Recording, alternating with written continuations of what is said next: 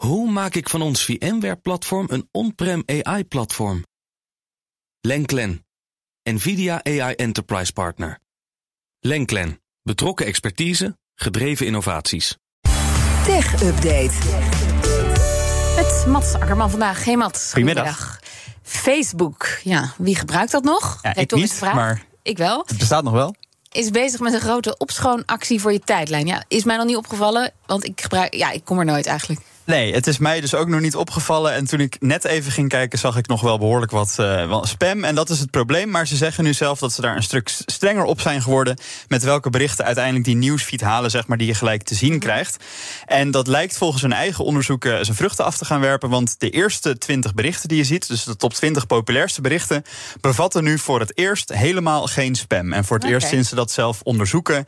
Want daar brengen ze elk kwartaal een kwartaalrapport over uit. En daar kijken ze wel alleen in naar de Verenigde Staten. Dus het zou ook wel kunnen dat wij het nog niet echt merken. Nou ja, jarenlang uh, vertrouwde Facebook hierbij op de gebruikers met het verspreiden van berichten. Dus wat jij leuk vond en ik en je, al je vrienden, daarop baseerde het algoritme dan wat anderen dan weer te zien kregen. Maar dat ging in een soort uh, ja, spiraal naar beneden. En uiteindelijk werd het een soort spam-overdose. En zag iedereen alleen nog maar clickbait-artikelen, uh, dubieuze webwinkels. Nou, je weet hoe het, er, hoe het eruit ziet. Eigenlijk berichten waar niemand op zat te wachten. En volgens de Wall Street Journal zou zelfs de top van Facebook zich ervoor schamen hoe matig die content was. Dus zijn ze in actie gekomen, hebben ze opnieuw de grenzen bepaald van wat hoge en lage kwaliteit berichten zijn. En wat dan als laag wordt gemarkeerd, dat hebben ze, proberen ze met het algoritme dan uit jouw feed te krijgen. En dat lijkt te zijn gelukt.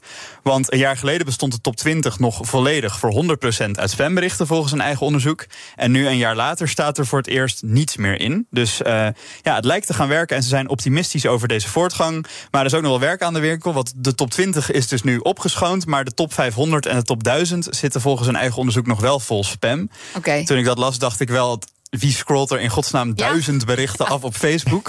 nou ja, heb de hele dus- dag uh, Facebook af te zoeken. Maar uh, nou, daar is dus nog werk aan de winkel. Maar en gaat dit dan ook over fake news en uh, beïnvloeding? Ja, en dat is dus ook nog wel mooi inderdaad. Want voor het eerst bevat de top 20 geen berichten die hun eigen platformregels schenden. En daaronder valt dus inderdaad berichten die aanzetten tot haat. Of eh, berichten die overduidelijk gemarkeerd zijn als fake news. Dat hebben ze nu ook succesvol uit de top 20 in ieder geval weten te filteren. Maar als je wat verder scrolt, dan kom je vanzelf iets tegen wat uh, niet zal kloppen. Down the rabbit hole. Precies. Um, dan van Facebook naar Twitter. Want adverteerders lopen daar massaal weg. Ja, we wisten al dat er een beetje druk lag op adverteerders om weg te gaan bij Twitter. Nu heeft de Washington Post er ook een cijfer opgeplakt met een data-analyse. En daaruit blijkt dat een derde van de 100 grootste adverteerders uh, de afgelopen twee weken geen advertenties meer hebben getoond op Twitter. Het gaat dan bijvoorbeeld om Jeep, om Mars, om de farmaceut Merck en om Kellogg's uh, van de cornflakes. Mm. En van de 50 grootste adverteerders zijn er 14 uh, gestopt. En dat is allemaal dan sinds de overname ja. van Twitter door Elon Musk, die ja, een bijzonder plan daarmee trekt met grote ontslagen. En bijvoorbeeld dat hij Trump heeft teruggebracht op Twitter. Nou, veel adverteerders staan daar niet helemaal om te springen. Dus. Nee, maar dat is dan slecht nieuws voor Twitter, want dat, die lopen geld mis. Ja, en ze zijn ook echt enorm afhankelijk van die adverteerders. Want vorig jaar bijvoorbeeld kwam 90% van de, van de omzet uit advertentieinkomsten. 90%, dus bijna alles. Uh, nou, Musk is nu ook op zoek naar manieren om het kostenplaatje zeg maar, wat aantrekkelijker te maken. Dus door kosten verminderen. Nou, dat doet hij duidelijk met ja. die grote ontslagen. En hij probeert ook de omzet structureel wat te verhogen. Nou, bijvoorbeeld, hij had dat mooie plan met dat betaalde abonnement dat je een blauw vinkje kreeg, zo'n officiële account. Maar daar gingen heel veel mensen misbruik van maken. Dus dat plan is alweer ingetrokken. Dus uh, hij moet nog even op zoek naar nieuwe manieren uh, om geld te gaan verdienen. Want de adverteerders die uh, laten het langzaam afweten op dit moment. Maar weet je wat mij opvalt? Sinds Elon Musk aan, aan het roer staat, krijg ik allemaal fake volgers. Opeens volgen dan nou, een paar honderd mensen mij. Uh, extra. Maar dat zijn allemaal trollen met zelf nul volgers. Wat wel heel grappig is, want de reden dat hij ooit Twitter misschien ja. niet wilde gaan overnemen, was zijn bezwaar dat er te veel trollen zijn. Ja, maar of de hij is ook de richtlijnen normaal... weer aan het, aan het versoepelen, waardoor meer mensen erop kunnen, zoals Trump dus. Ja, en dus, trollen. Ja, het blijkt dus niet. Het, ja, het gaat niet de kant op die hij zelf voor ogen dan. Nee, en hij ontslaat waarschijnlijk de mensen die dat allemaal in de gaten hielden. En zo. Ja, precies. Want die hele teams die dat, dat overzicht moesten bewaren, die, uh, ja, die vliegen er allemaal uit. En dan tot slot, de politie Friesland heeft via een Telegram Telegram-groep een illegale vuurwerkhandel opgerold. Ja, best een mooie acties. Ze hebben ingebroken in een Telegram-groep met de toepasselijke naam Vuurwerkhandel Noorden. Dat Daar zaten ook niet echt ongeveer- hè? Ja, ja, dat is, eh, ja, dat is eh, heel makkelijk. Eh, daar zaten ongeveer 700 mensen in. Via de groep werd op grote schaal illegaal vuurwerk en explosieven aangeboden. En handelaren kwamen daarmee dus eh, met elkaar in contact.